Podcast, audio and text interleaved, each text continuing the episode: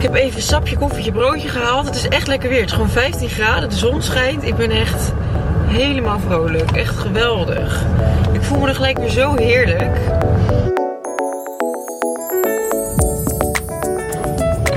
weet niet. Ik was aan het editen en toen had ik ineens een besefmoment van hoe leuk ik het vind om dat nog te doen. Maar ik vind het ook gewoon. Het, het, ik vind het nog steeds fantastisch eigenlijk om te vloggen. Tuurlijk heb ik uh, mindere momenten. Maar als ik besef hoe lang ik dit al doe en dat ik er nog steeds zoveel plezier in heb en dat ik ook het editen nog zo leuk vind. Het is veel ruimer nu. En je kunt het al een beetje zien, de woonkamer is echt mega anders. Ik vind dit echt zo ontzettend mooi.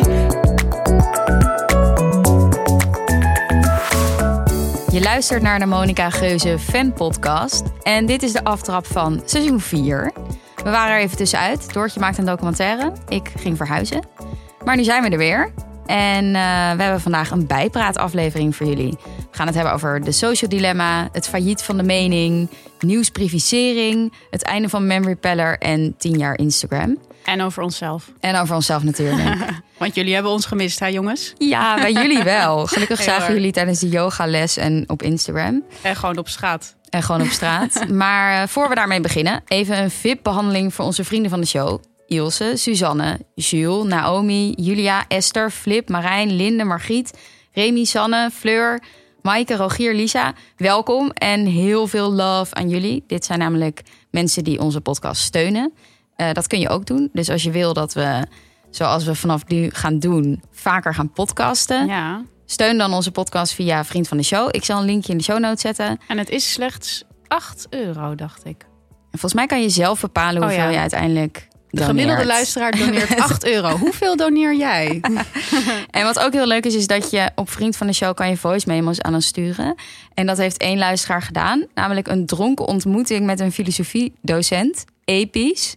Doortje en ik hebben hier dronken naar geluisterd. Het was zo meta. Ja, echt geweldig. Ik wil meer van dit. Ik wil eigenlijk alle vrienden van de show... al doneer je maar een euro... Ja, doneer vooral voice... je voice memo. Ja, want dat kunnen we ook gewoon laten horen in de... In de show, ja. Dus we plakken aan het eind van de show even deze memorabele voice memo van de oh, luisteraar. Ja, en uh, nou ja, we zijn dus terug. Hè? Na grote vraag vanuit jullie. Ik was op, mhm. ik weet nog, op een gegeven moment, ik was echt heel druk met mijn docu. En toen liep ik het edit uh, hok uit, zeg maar, waar ik dan echt 10, 12 uur per dag uh, zat te editen. En daar stond een meisje op straat en die keek me aan en die zei: Wanneer komt er weer een podcast? dat was een beetje alsof je net een kind hebt gebaard en iemand vraagt: Wanneer de tweede? Weet je wel? Dus, uh, maar het was ook een moment dat ik dacht: We kunnen niet heel lang meer wegblijven van, van, de, microfoon. Van de eter. Want uh, nou, misschien hebben jullie ons ook een beetje nodig. En ja. uh, nou, wij jullie in elk geval wel. Ja, ik heb het wel echt gemist. Ik ook. Echt heel erg. Uh, zo erg hebben we het gemist dat we nu hebben bedacht om wekelijks te gaan podcasten. ja, we gaan de komende tijd gewoon veel afleveringen opnemen. We hebben hele leuke gasten in petto. Tim Hofman bijvoorbeeld, Peter Pannenkoek, nou nog een heel aantal meer.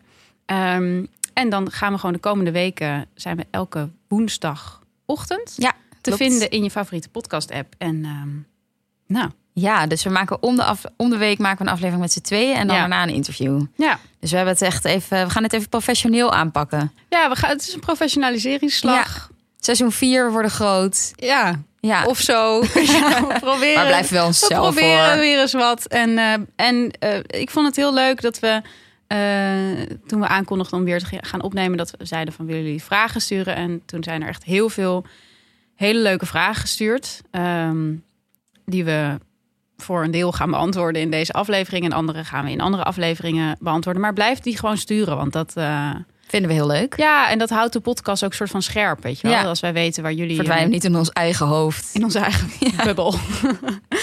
ons eigen hoofd, wat soort van één gedeeld hoofd is hey, en door, ik denk dat het wel even leuk is als je de luisteraars bijpraat over je docu. Want hoe heet je documentaire? Ja, ik wilde eigenlijk het met het raadsel beginnen. Oh, daar komt eerst een raadsel. Ik had een raadsel bedacht en dat staat in de aantekeningen. Nu komt Doortjes filosofische raadsel wat ze even dacht. Oh my god. Um, het schip van Theeshuis ken je toch?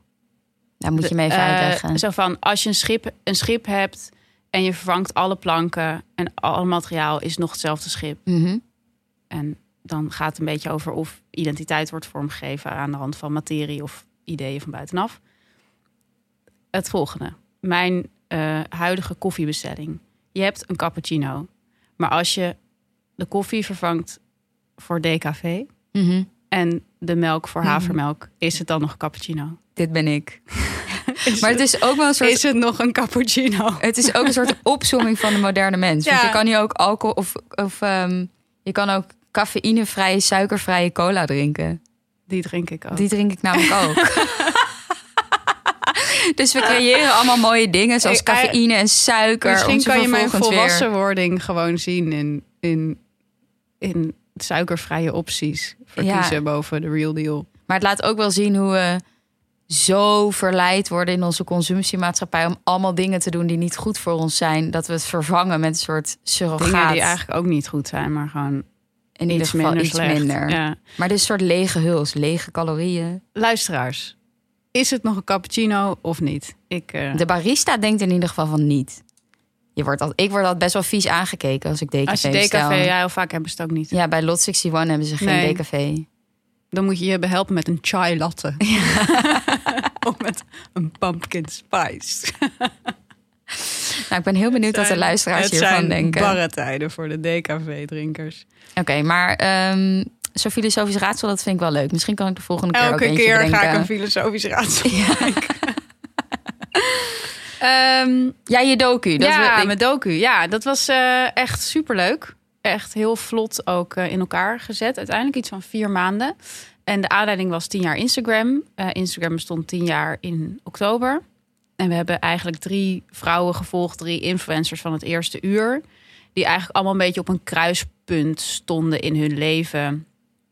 Eh, wat betreft ja, of ze nog doorgingen als influencer of niet. Of in welke vorm dan. Eh, nou, eentje die had redelijk wat eh, stress en problemen ondervonden door het influencer zijn. De ander was zwanger en die kon niet echt meer de levensstijl opbrengen die ze eerder wel had gedaan. Waar ze veel volgers had gekregen. Dus, nou, er allerlei eh, dilemma's. En die hebben, wij, eh, oh, die hebben wij gevolgd. En dat was, eh, ja, dat was heel interessant en heel leuk om te doen. En ik denk eigenlijk elke keer weer, nou, nu ben ik echt wel klaar met social media als thema. Of ja, met Instagram in het bijzonder eigenlijk denk ik Mhm. dat ook heel vaak. Maar ik vond het weer zo fascinerend en zo interessant. En ja, er zit één scène in dat die vrouw die zwanger is... met haar agenten bediscussieert over haar merkpositie of zo. Mhm. Dat is wel echt een epische scène. ja, ik zou bijna zeggen. Ja, Gaat kijken. kijken. We gaan zeker kijken. Ja, en het, is, en het was wel. Kijk, ik probeer natuurlijk wel altijd systeemkritiek te leveren. Meer dan kritiek op de mensen die binnen het systeem leven. En ik had wel echt het idee dat dat met deze docu wel was gelukt. Mhm. Eh, ja, er zitten, er zitten ehm, pijnlijke scènes in. Ehm, maar ik, ik had het idee, zeker als ik de recensies in NRC en Volkskrant eh, las, dat wat ik wilde laten zien wel echt was gelukt. En terwijl ik dit zeg, denk ik gewoon, wow, Ja. wat sick dat ik gewoon een film heb gemaakt. Want dat, dat vind ik nog steeds anders dan schrijven. Want ja, daar ben ik gewoon voor opgeleid. En dat is gewoon, ja, mijn, mijn brood. Eh, maar goed, dit is ook mijn brood. Ehm, ja, Maar je bent wel voor de eerste keer echt regisseur geweest, toch? Was dat de Eh, vorige Mijn ook dochter al? vlog was ik ook regisseur. Ja. ja, maar dat was toen meer een soort van... Oh, oeps, ik ben regisseur. En nu was het gewoon echt... Heel ik vet. ben met willens en wetens regisseur van deze film. Ja, ik heb Doortje die vier maanden ook heel weinig gezien. Nou, was echt vreselijk, Ja. hè? Was echt Ja. heel vreselijk, ja. Ik zag ook zo slecht ja, maar je genoot er ook wel echt van. Als ik je dan zag, was het ook wel... Nou, op een gegeven moment zei ik tegen iemand, vat ik het eigenlijk goed samen, zei ik, eh, ik wil er eigenlijk niet meer over praten over die film, maar anderzijds kan ik ook nergens anders meer over Ja. praten. En het wordt gewoon zo je leven en het, en het wordt gewoon zo alles waar je aan denkt. In het, als je aan het filmen, maar als ik aan het researchen ben al van welke personage zijn het best, welke verhaallijnen, la la la. Vervolgens, ehm, als je aan het filmen bent, want dan hè, er, er hangt heel veel af van die filmdagen. Er moet echt wel wat gebeuren. Want zoveel dagen heb je gewoon niet. En vervolgens met dat editen, nou, dat is ook een soort van enorm proces waarin, waarin alles samen moet komen. En dan gaat het eerst helemaal de verkeerde kant op. En dan gaat het helemaal de verkeerde andere kant op. En uiteindelijk krijg je dan wel iets waarvan je denkt, nou, dit slaat ergens op.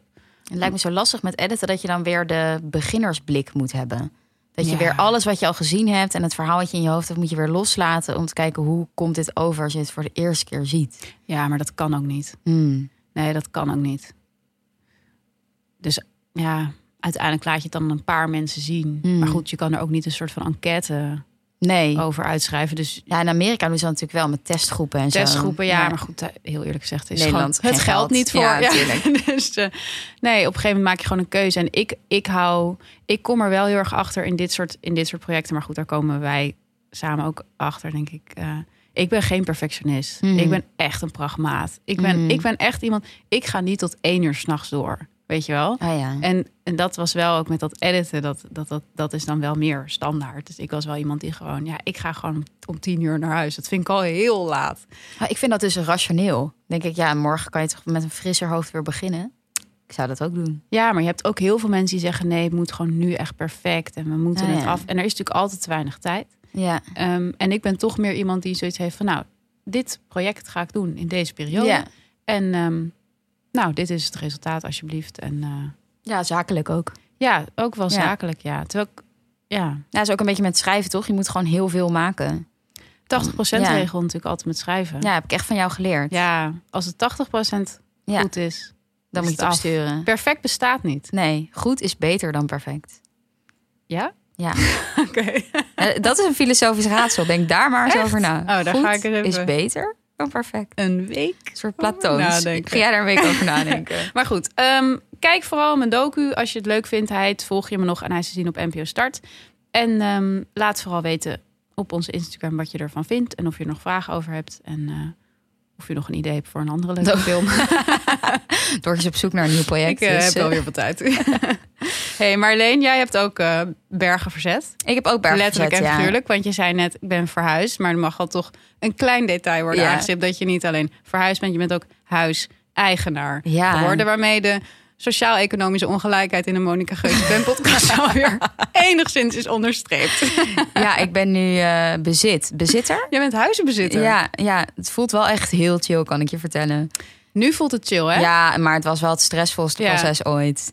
Op een gegeven moment zag ik het echt niet meer. Wie heeft denk je meer stress gehad? Oh, dat weet ik niet. Jij kan denk ik beter met stress omgaan dan ik. Ik heb Maar sowieso had- andere manieren om mee om te gaan. Dat sowieso. Maar eh, zeg maar, tot ik de sleutel had, heb ik eigenlijk de hele tijd gedacht dat het niet door zou gaan. Ja, Ehm, maar heel eerlijk, dat denk ik ook bij zo'n film. ja, dat is waar. Tot het op is tv is, denk ik ook dat het niet doorgaat. Ja. Maar het is heel mooi geworden. Ik dacht natuurlijk ook, mochten we ooit die, volgens mij 100 vrienden van de show halen, dan gaan we zo'n video opnemen over mijn huis. Dus ik dacht, ja, mijn huis moet er wel gewoon goed uitzien. Jij Dus- je huis kopen. Even een huis kopen. Duurste challenge ooit. Ik neem het heel serieus hoe ik overkom in zo'n Mo- video. de Monica Geuze fan podcast. dus. Ja, dus ik heb me een maand echt ondergedompeld in houten vloeren en kasten. En die ziet er heel mooi uit. Met resultaat. Ja, ik heb dus een hele Echt. mooie oude Tsjechische vloer. Nou, mensen, als je jezelf echt echt wil verwennen, een oude Tsjechische vloer. Ja, ja of wordt vriend van de show, dan laat ik hem zien. Ja, Het is wel... eh, is wel iets anders. ehm, ja, nee, dus dat was, eh, dat was ook flink intensief. Dus het kwam wel goed uit dat we even een pauze hadden. ja, Maar ik heb er nu wel weer echt heel veel zin ja, in. ik ook. Ik heb er echt heel veel zin in. En ik ben weer heel veel Monica aan het kijken. Dat merkte ik ook. In Ja. tijden van onzekerheid, dan grijp ik terug op Monica. Monica, Ik ja. voelde me toch ook een beetje ontheemd in dat nieuwe huis. Ja. En ik was best vaak brak, ook op een, een of andere manier. Dus zaterdagochtend was mijn ritueel wel echt weer de vlog van Monica. ja, hè? Ja, en ze heeft natuurlijk een nieuwe liefde. Wonen Al wel weer dichter bij elkaar. Dat is heel fijn. Dat moet wel gezegd. Ja, Dus dat voelt zeker ja, fijn. dat is ook fijn. Maar wat, eh, wat haalde jij uit de, uit de vlogs? Ja, ik vind het, ik vind het echt top eigenlijk Ja. de laatste tijd. Ze is zo eh, in haar element. Mhm. En ze is zo krachtig. En wat ik vooral heel vet vind, is dat ze heeft heel veel succes. Volgens Mhm. mij. Ze is de hele tijd bezig met make-up lijn dit, programma dat. Ja, ze gaat Eh, Temptation Island doen. Dat is echt een ja. grote klus. Dat deed ze dat niet al? Nee, ze deed Love Island. Oh ja, nou, met die Kai gaat Ja. ze dat dan doen. En, en dan ook nog allemaal anderen. En heeft ze dat eigen kantoor waar ze heel mee bezig is. En ze... ze Ik vond het ook wel boeiend trouwens, die crème. Dat ze die dan ging laten zien. Hoe ze die crème ontwikkelde. Met welke glitters ze erin wilde en zo. oh ja, dacht wel moeten we dat hebben? Ja, ik ga het wel kopen als Ja. support. We hebben ook haar, haar eh, sieraden gekocht Als van Momo. support. Zal ze echt blij mee zijn. Wij hebben vrienden van de show en zij heeft ons. maar ik vond het vet dat ze gewoon alles liet zien waar ze trots op is en waar ze succesvol in is. En dat, ehm, nou ja, dat ik, ik ben nu een boek van Katie Royfi aan het lezen. En daarin beschrijft ze ook dat vrouwen, publieke vrouwen, vooral schrijfsters bedoelt ze dan maar volgens mij überhaupt, ook wel vloggers en zo. Als ze succes hebben of als ze iets lukt of als iets goed gaat, vaak zo'n soort disclaimer, weet je wel, erbij. Of ja, mijn leven I'm is eigenlijk... juggling. Ja, of mijn leven is eigenlijk echt een puinhoop hoor. Of eh, nee joh, ik doe ook maar wat. Of weet je wel. En dat vind ik eigenlijk heel verfrissend dat zij dat gewoon niet doet. Monica. Ja, Monica, Ja, überhaupt. Maar, en omdat ik ben dus dat boek aan het lezen, ik dacht ik lees een heel klein stukje voor. Omdat het zo... En ik denk zeker in deze tijd van hè, dat je echt moet zijn op sociale media. En, en daar zit heel erg iets in van echt is, het gaat slecht. Of zo, Mhm. weet je wel. Of ik weet het ook allemaal niet meer. En dat, ja, Maar Monica deelt dat ook wel, maar ze doet dat niet geregisseerd. Ze zegt, soms moet ze ook wel huilen of vindt ze iets kut. Nee, tuurlijk. Maar nu is het natuurlijk wel echt al, echt, al, echt al best wel flink wat vlogs achter elkaar. Dat het gewoon, Gewoon heel blij, goed gaat. ja. En dan voelt ze blijkbaar geen druk om dat te gaan nuanceren. Hmm. En eh, Katie Royfi zegt er dit over. Er ligt een grote druk op vrouwen om tussen aanhalingstekens eerlijk te zijn. En met eerlijk bedoelen mensen meestal je kwetsbaar opstellen, zwak te tonen, weekhartig zijn, overkomen alsof je niet alles onder controle hebt, bekennen dat je te veel drinkt of dat je bijvoorbeeld wel eens huilt op straat. Elegant neurotisch bent, à la Joan Didion, eetstoornissen hebt of worstelt met depressies. Als een van mijn studenten ernaar zou vragen, zou ik proberen uit te leggen dat ze niet exact of helemaal mij is, het personage wat Royfi dan opvoert, maar dat zij de beste manier was om mijn ideeën uiteen te zetten, als een vehikel, als een tank. De schrijver moet het ik ben een puinhoop signaal uitzenden om niet te arrogant of te pretentieus over te komen. Met name als het een vrouwelijke schrijver betreft. Ja, wel heel treffend. Ja, toch? Ja. Ik hoor, ja. En ik herken hoor dit ook. nooit een man een voetnoot zetten bij zijn succes. Zo Asterix. Ja. Maar eh, als je bij me thuis komt, is het een rotzooi Ja, hoor. Ik weet ook niet hoe ik met mijn... Ik zit altijd in een spagaat. We Ja, opvangen. En, eh, En mijn baby gaat super laat naar bed. Weet Ja. je wel? Ja, maar ik herken dit ook. Ook bijvoorbeeld, ik schrijf dan nu columns voor de trouw. En daarin dan zit ik mezelf zo'n beetje te beschrijven in de digitaliserende wereld. En dan denk ik soms ook, ja, je maakt het gewoon allemaal veel dramatischer dan het is. Bijvoorbeeld dan beschrijf ik over iets, over een of ander iets, dat ik er helemaal in paniek van ben. mhm. Dat ik denk, ja, ik, ik was niet echt in paniek. Of weet je wel, dat, dat ik iets heel erg vind. Terwijl ik vind het helemaal niet zo erg. En grappig, want je gaat het straks ook hebben over het failliet van de mening. Ja. Misschien hangt het er een beetje mee samen. Ja, het, het, maakt een, het maakt een verhaal natuurlijk relatable en het wekt emoties op. Ja, maar inderdaad, relatable, herkenbaar. Ja, Lijkt alsof we herkenbaar verwarren met kwetsbaar of zwak. Zwak te tonen. ja dus dat je je alleen maar kan, kan inleven in iemand als iemand zwak is. Ja, Ja, terwijl ik kan me eigenlijk ook heel erg inleven in Monica. Als ze gewoon heel alles onder controle is. heeft. Ja. Ja. Ja, interessant. ja, nou, wat viel Nou ja. jou op in de laatste vlogs? Nou, dat ze heel gelukkig is ook. En dat ze volgens mij heel blij is met haar nieuwe liefde. Volgens mij Ja, doet dat hè? er heel erg goed. Ehm, Robert. Robert. Ja, dat eigenlijk. Ik vind het gewoon hele chille achtergrond content. Een nieuw interieur, hè? Net als je. Ja, dat vond ik dan weer iets, iets minder mijn smaak. Echt? Die hele grote witte bank. Denk ik wel, hmm. Ik vond het wel een verbetering ten opzichte van het oude. Ja, ik vind het gewoon sowieso moeilijk van die hele grote banken. Maar dat is ook omdat wij de luxe niet hebben om zulke grote ruimtes in te Nee. richten. Ik heb nog steeds geen bank.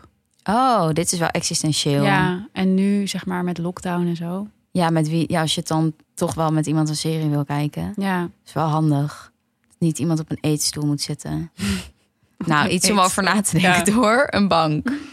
hey, en ehm, luisteraars vroegen dus in de DM's Ja. naar eh, onze mening over de social dilemma. Ja.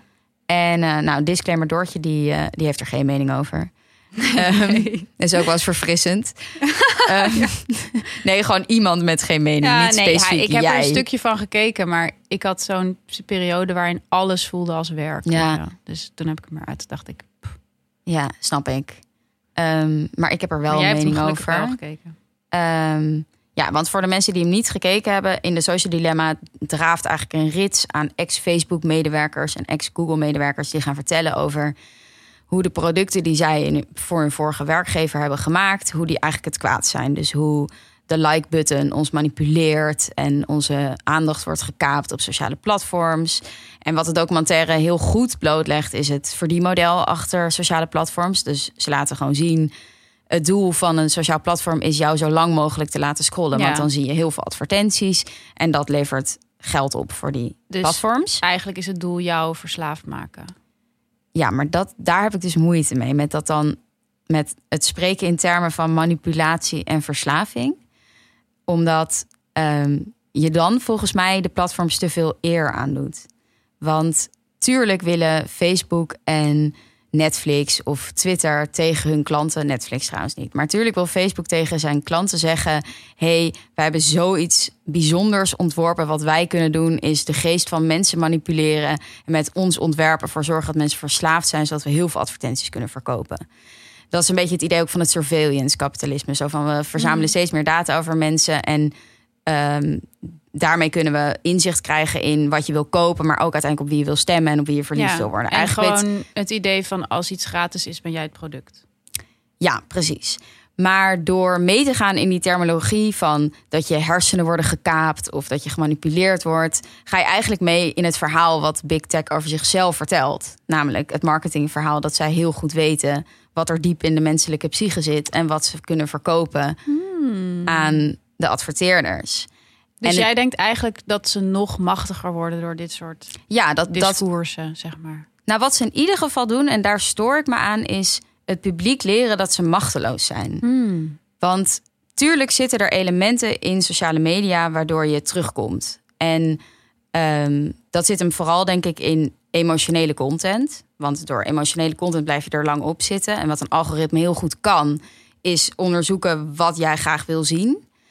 Ehm, maar volgens mij kunnen we beter kijken naar waarom ga je op Facebook of op Instagram, met welk gevoel. Eh, en haal je eruit wat je eruit wil halen. Ja, nee. Nee, maar dan kan je die gewoonte gewoon doorbreken. En Nou- gewoon bij jezelf merken van... oh, ik voel me eenzaam.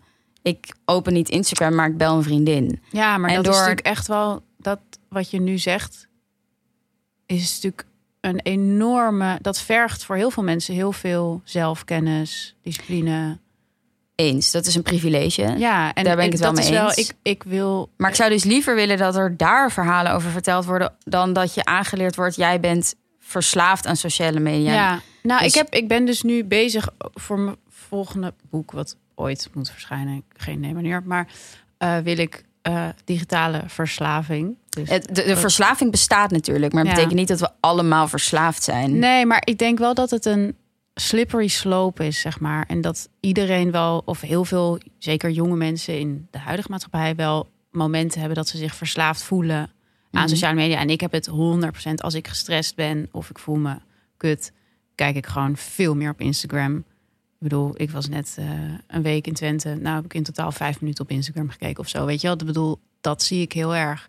Maar het interessante is wel, ik heb er nu een paar gesprekken over gehad dan met, met weet je wel, mensen die dan in klinieken werken, echt om mensen van die verslavingen af te houden. Dus bijvoorbeeld een Instagram-verslaving is echt een groeiend probleem. En die vertelde eigenlijk heel interessant dat dus een Instagram-verslaving eigenlijk precies hetzelfde is als een fruitautomaatverslaving. Dus. Ehm, je, mag, je kan zelf bewerkstelligen wat je ziet en wat je krijgt, zeg maar.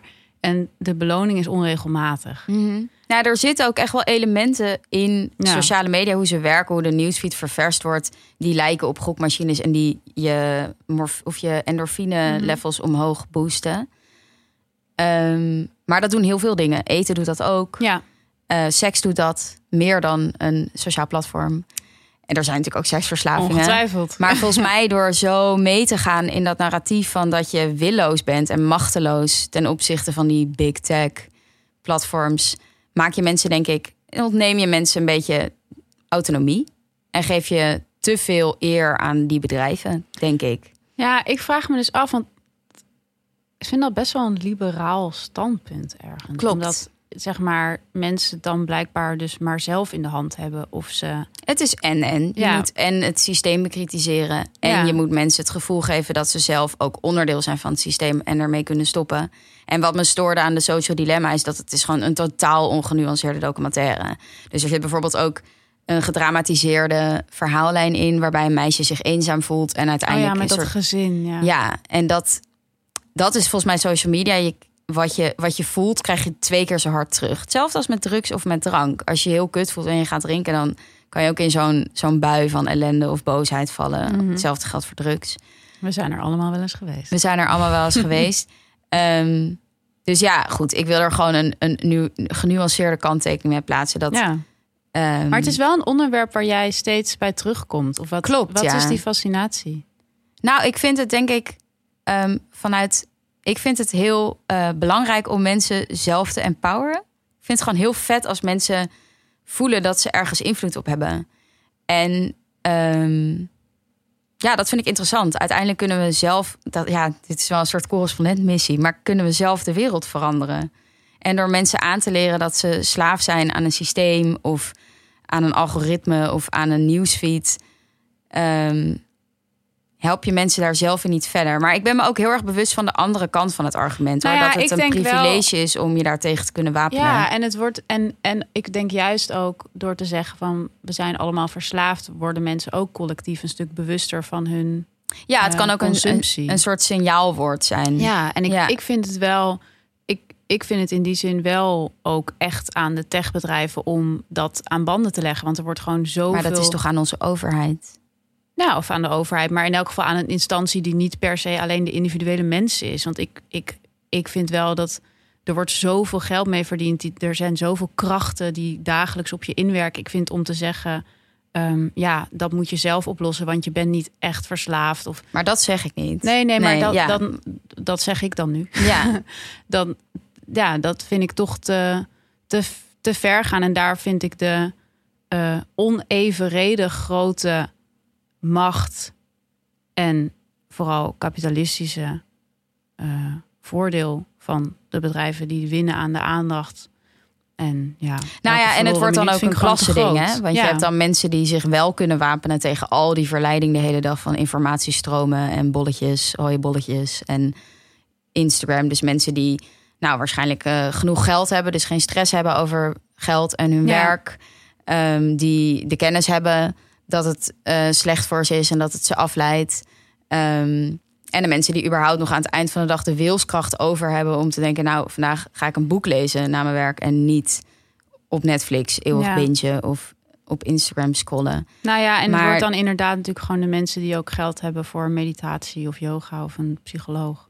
Nou, het is volgens mij, je hebt ook van dat psychologische onderzoek dat laat zien dat wilskracht is eigenlijk een spier. En aan het eind van de dag, als je bijvoorbeeld eh, probeert te stoppen met Instagram, dan lukt dat de hele dag. Want dan heb je nog genoeg wilskracht. Maar aan het einde, en zeker als je moe bent of gestrest, is die op. En wat je ziet bij mensen die bijvoorbeeld schulden hebben of relatieproblemen of mentale problemen, is dat ze gewoon letterlijk minder hersenruimte hebben om dat Ah, soort ja. wilskracht te trainen. Dus ik ben me heel erg bewust van dat het een privilege is.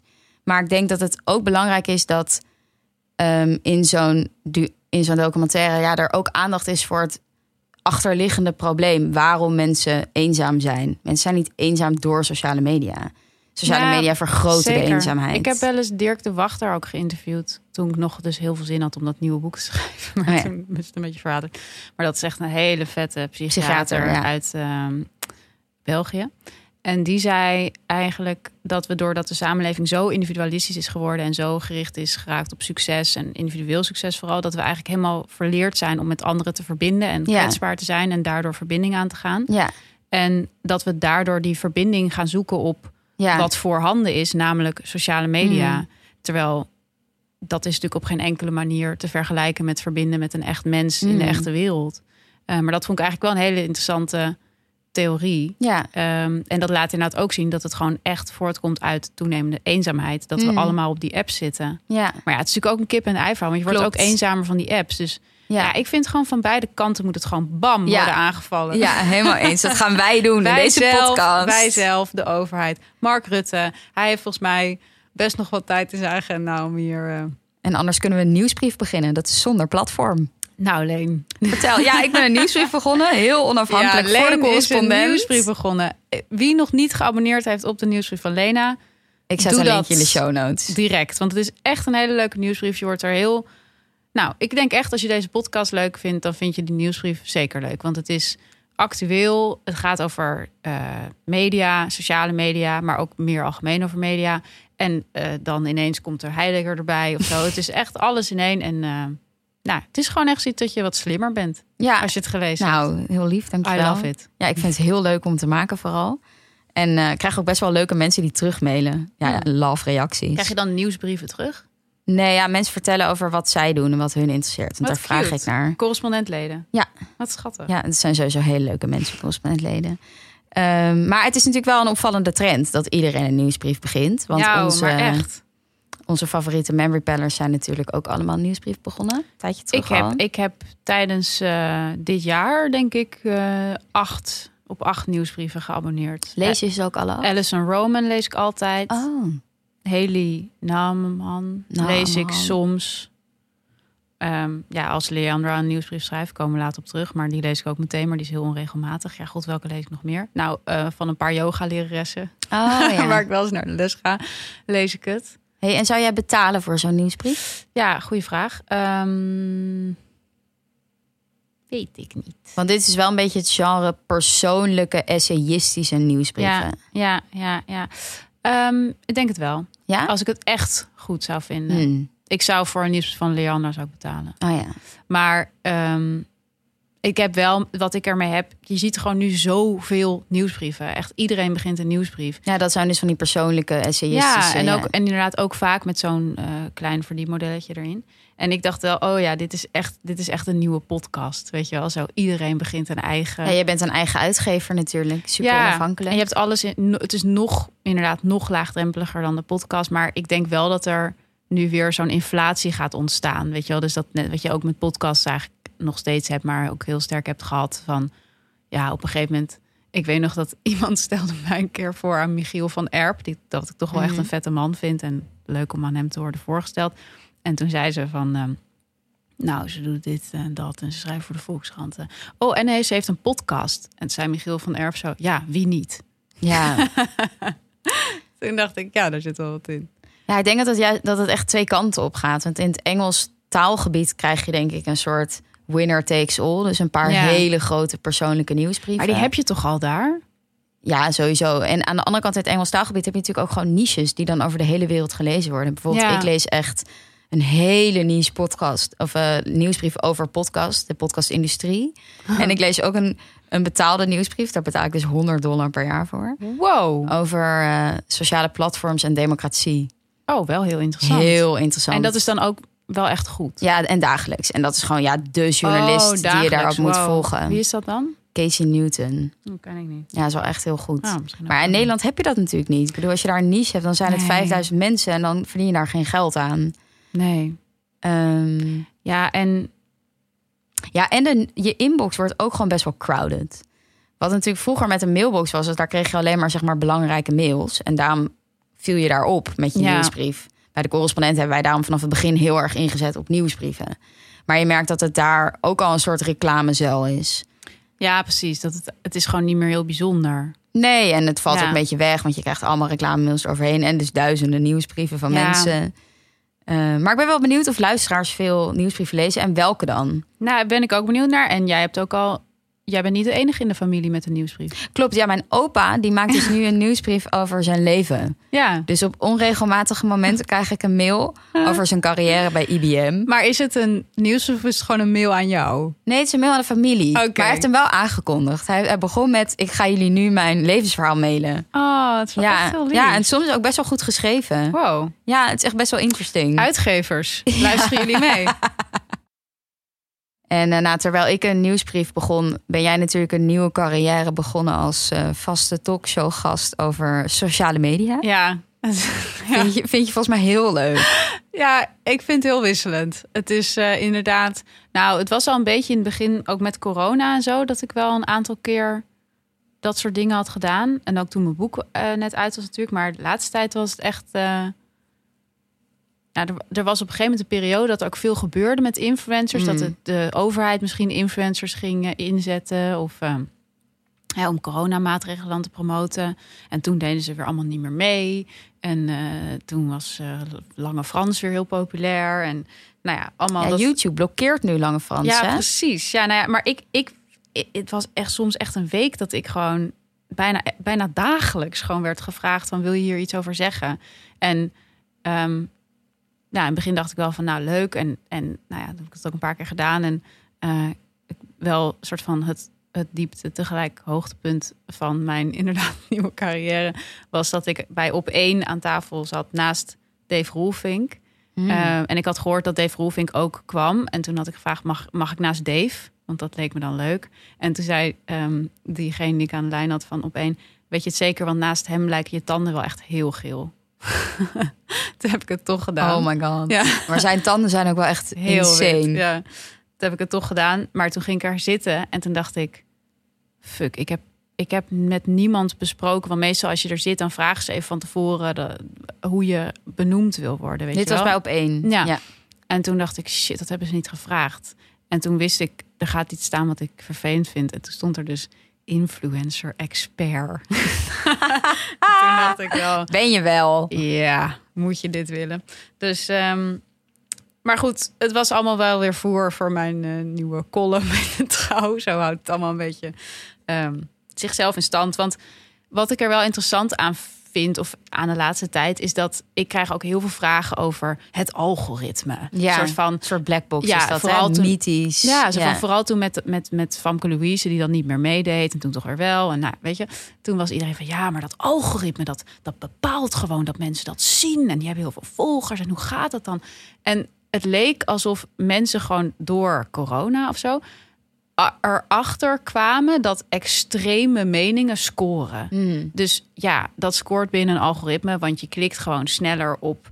Het is je boy Jay die zegt: eh, weg met corona, ik wil Ja. een feest geven. Kom, gaan we meer mensen blijven dan hangen om te kijken wat dat diegene vind je zegt. gewoon leuker om te kijken in je lunchpauze van je werk dan ehm, Jaap van Dissel die zegt Ja. vandaag zo en zoveel IC-opnames. En daar praten we dan daarna over bij het precies, dat is lachen, dat is leuk.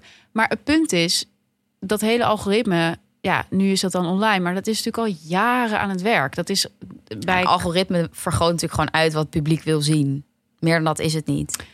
Het is een manier om te meten wat mensen interessant vinden. Ja. En dat gebruiken kranten, tv, Ja, elk medium gebruikt dat al jaren. Ik bedoel, bij, bij, bij elke krant waar ik voor heb geschreven, is de kop van mijn artikel veel heftiger en vaak ook veel negatiever dan wat er daadwerkelijk in het artikel staat. En dan Mhm. vraag ik van, mm, moet dat zo negatief? En dan van ja, dat is een beetje aandacht trekken. En ook, eh, weet je, ook bij talkshowtafels, die kijken natuurlijk elke ochtend hoeveel kijkers er zijn geweest. Mhm. Want dat is gewoon belangrijk voor hun inkomsten. En zij weten gewoon, ja, als we een roepende gek aan tafel zetten. Nou, het is misschien niet allemaal waar wat hij zegt, maar hij krijgt wel de mensen. ja. Kunnen wij uh, verkopen? Precies. ja. Dus, dat, dus dat, dat vond ik zo interessant. Dat ineens mensen zich daar collectief een soort van bewust leken te worden aan de hand dan van YouTube en sociale media. Terwijl ik echt dacht, Het is ook makkelijk, toch? Want dan hoeven ze niet een persoon of een redactie of mensen de schuld te geven, maar een soort ja, precies zo van het algoritme, wat we niet gedaan. echt snappen. Terwijl uiteindelijk eh, willen wij toch ook heel vaak gewoon eh gekkies kijken. Ja, zo van. Eh, dat vind ik ook zo goed aan jouw boek. Dat je laat zien dat influencers een product zijn van de tijdsgeest. Ja, En op dezelfde manier, wat wij zien op sociale media is wat wij erin stoppen en wat wij willen zien. nou precies. Ja. Ehm, Dus dat was ook wel, nou goed, toen met Famke Louise, toen, toen vroeg dus echt iedereen mijn mening over Famke Louise. Terwijl ik dacht, ja, ik heb helemaal geen mening over Famke Louise. En uiteindelijk vroeg toen Radio 1 ehm, mijn mening over alle meningen over Famke Louise. En die heb ik toen toch wel... ingekopt. Ja, die heb ik toen ingekomen en gezegd van dit is een case study. En eh, voor het eerst dat, het, eh, dat er zo'n grote crisis is in een tijd waarin zoveel meningen gehoord kunnen worden. Ja. Dus had ik weer een... eh, ja, Bas Heijnen heeft ook een heel goed essay geschreven waarin hij laat zien dat deze tijd geregeerd wordt door emoties. Oh, En dat komt natuurlijk. Daar, daaronder ligt natuurlijk ook weer het, het verdienmodel. ja. Want de tv moet ook gewoon reclames verkopen. En een krant moet kranten verkopen. Ja. En Facebook advertenties. En Famke Louise moet Famke Louise verkopen. Precies, en wat verkoopt, dat zijn gewoon emotionele verhalen. Want Ja. dat zijn de verhalen die ik aan je doorvertel.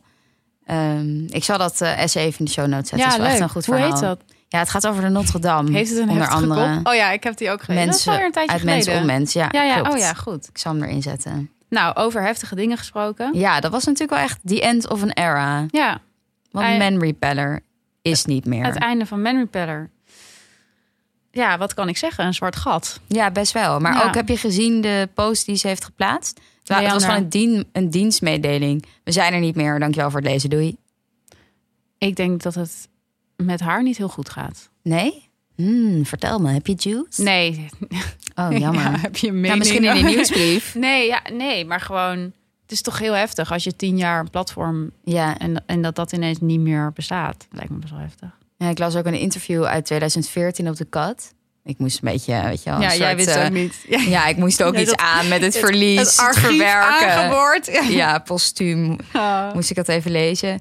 En dan heeft ze het ook over dat ze niet een persoonlijk blog wil maken, maar echt een media-imperium.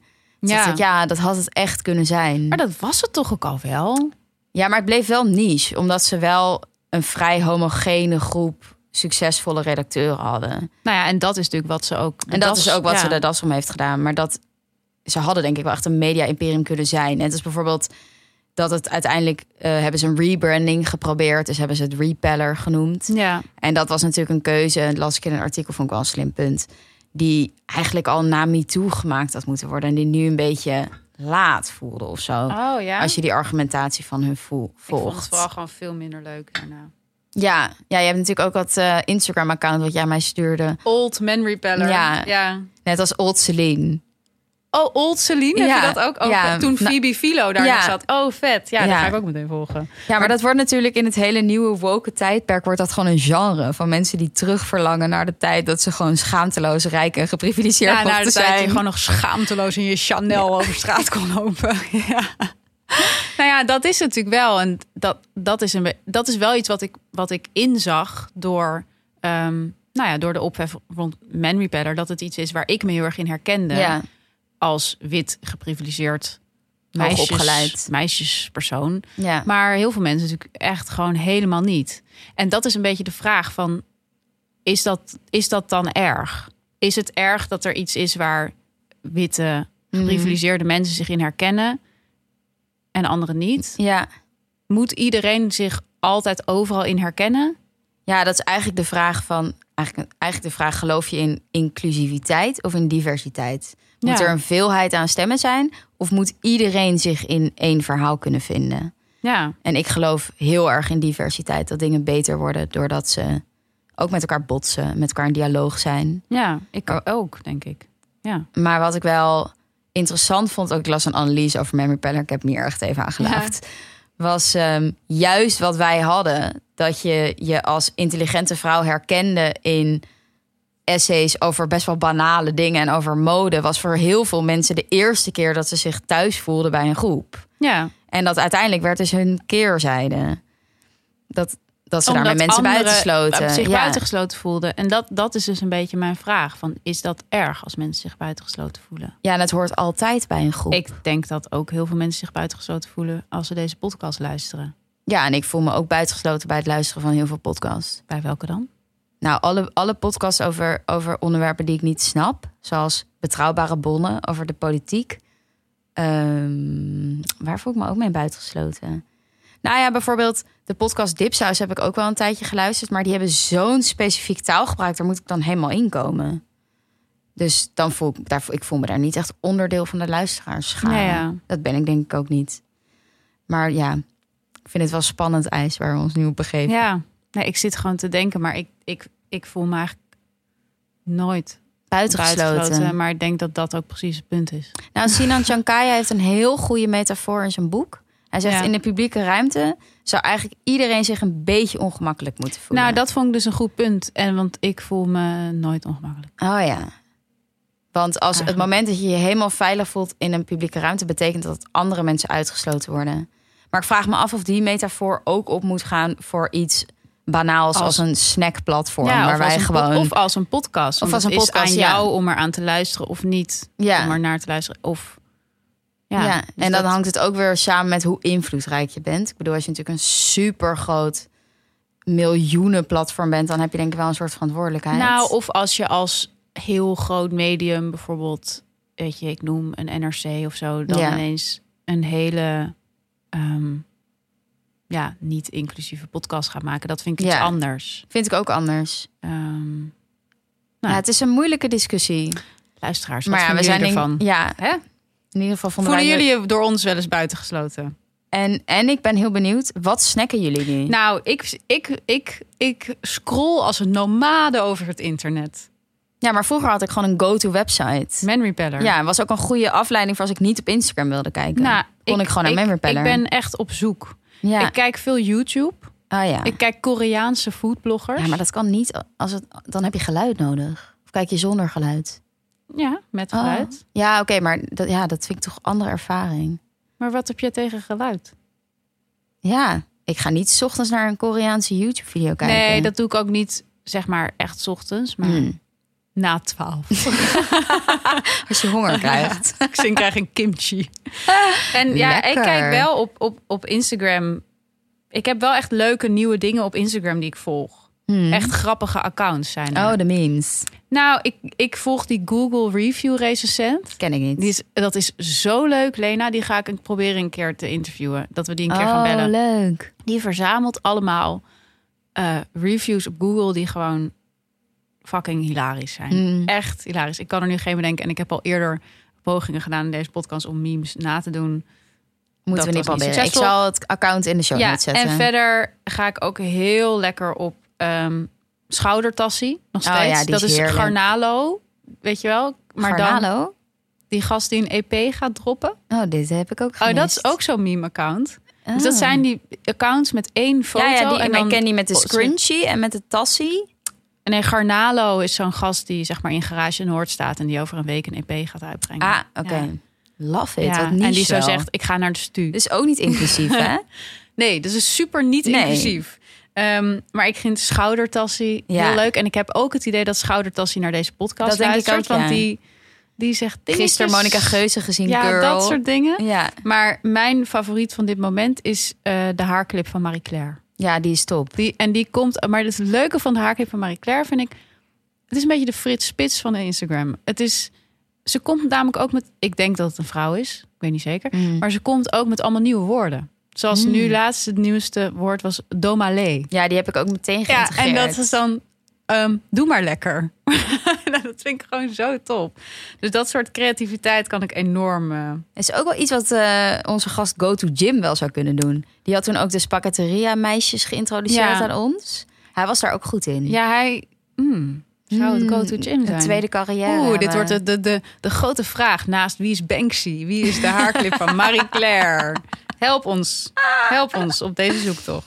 Ik heb nog niks gevonden om te snacken. Dus Nee. luisteraartips zijn heel erg welkom. Hey, en dan hadden we nog een paar vragen van luisteraars. Ja, Best wat mensen vroegen naar onze favoriete boeken en essays. En dat leek ons heel leuk om in een aparte aflevering te bespreken. ja heel veel favorieten wilden ze weten. Restaurants, andere ja. dingen. Ja, dan gaan we gewoon één grote... Ja, onze favo. Nou, ik zit nu al te denken van... Hoe noemen YouTubers dat? Top. Hebben ze daar een naam voor? Mijn favorieten? Ja, favorieten en opgemaakt. Dat is een video van Masha van Beauty, Gloss. Oh, echt? Die maakt elke maand maakt ze een foto over haar favoriete producten en haar opgemaakte producten. Oh, Ja, dit is mijn niche. kunnen we ook doen. Ehm, en een andere luisteraar vroeg: zijn influencers publiek bezit? Kunnen we verruimen naar zijn BN'ers publiek bezit? Goeie vraag. Ehm, ja, ik, de- ik heb toch wel altijd het gevoel dat je ook wel gekozen hebt om een publiek figuur te zijn. Als je daar je geld mee verdient. Nou ja, en ze leven van hun publiek. Dus Ja. in zekere zin is het publiek ook hun bezit. Ja, klopt. Het is een wisselwerking, Het is een wisselwerking. Ja.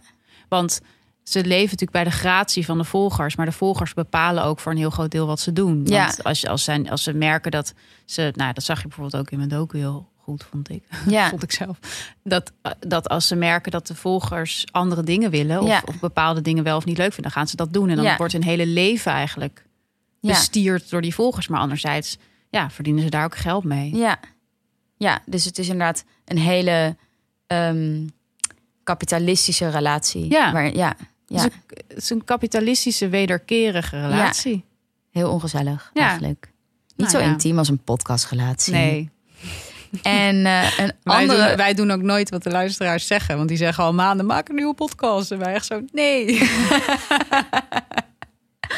ik kreeg echt zulke gefrustreerd. Als ik dan di- dingen deelde van mijn docu op Instagram. Van, we zijn aan het filmen of we zijn iets leuks aan het doen.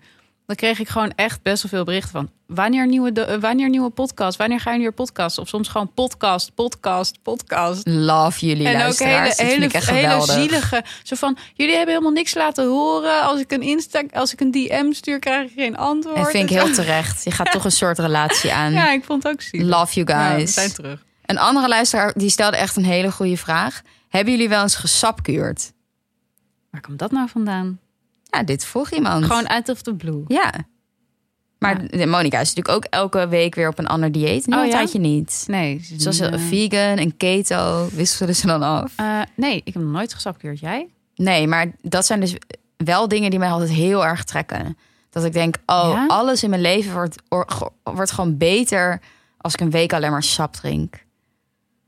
Ik heb dat ook met diëten. Ik denk dan ik denk gewoon, vooral- oh, mijn leven wordt echt fantastisch als ik het keto Dan heb ik doe. een week gewoon heel veel honger. Ja.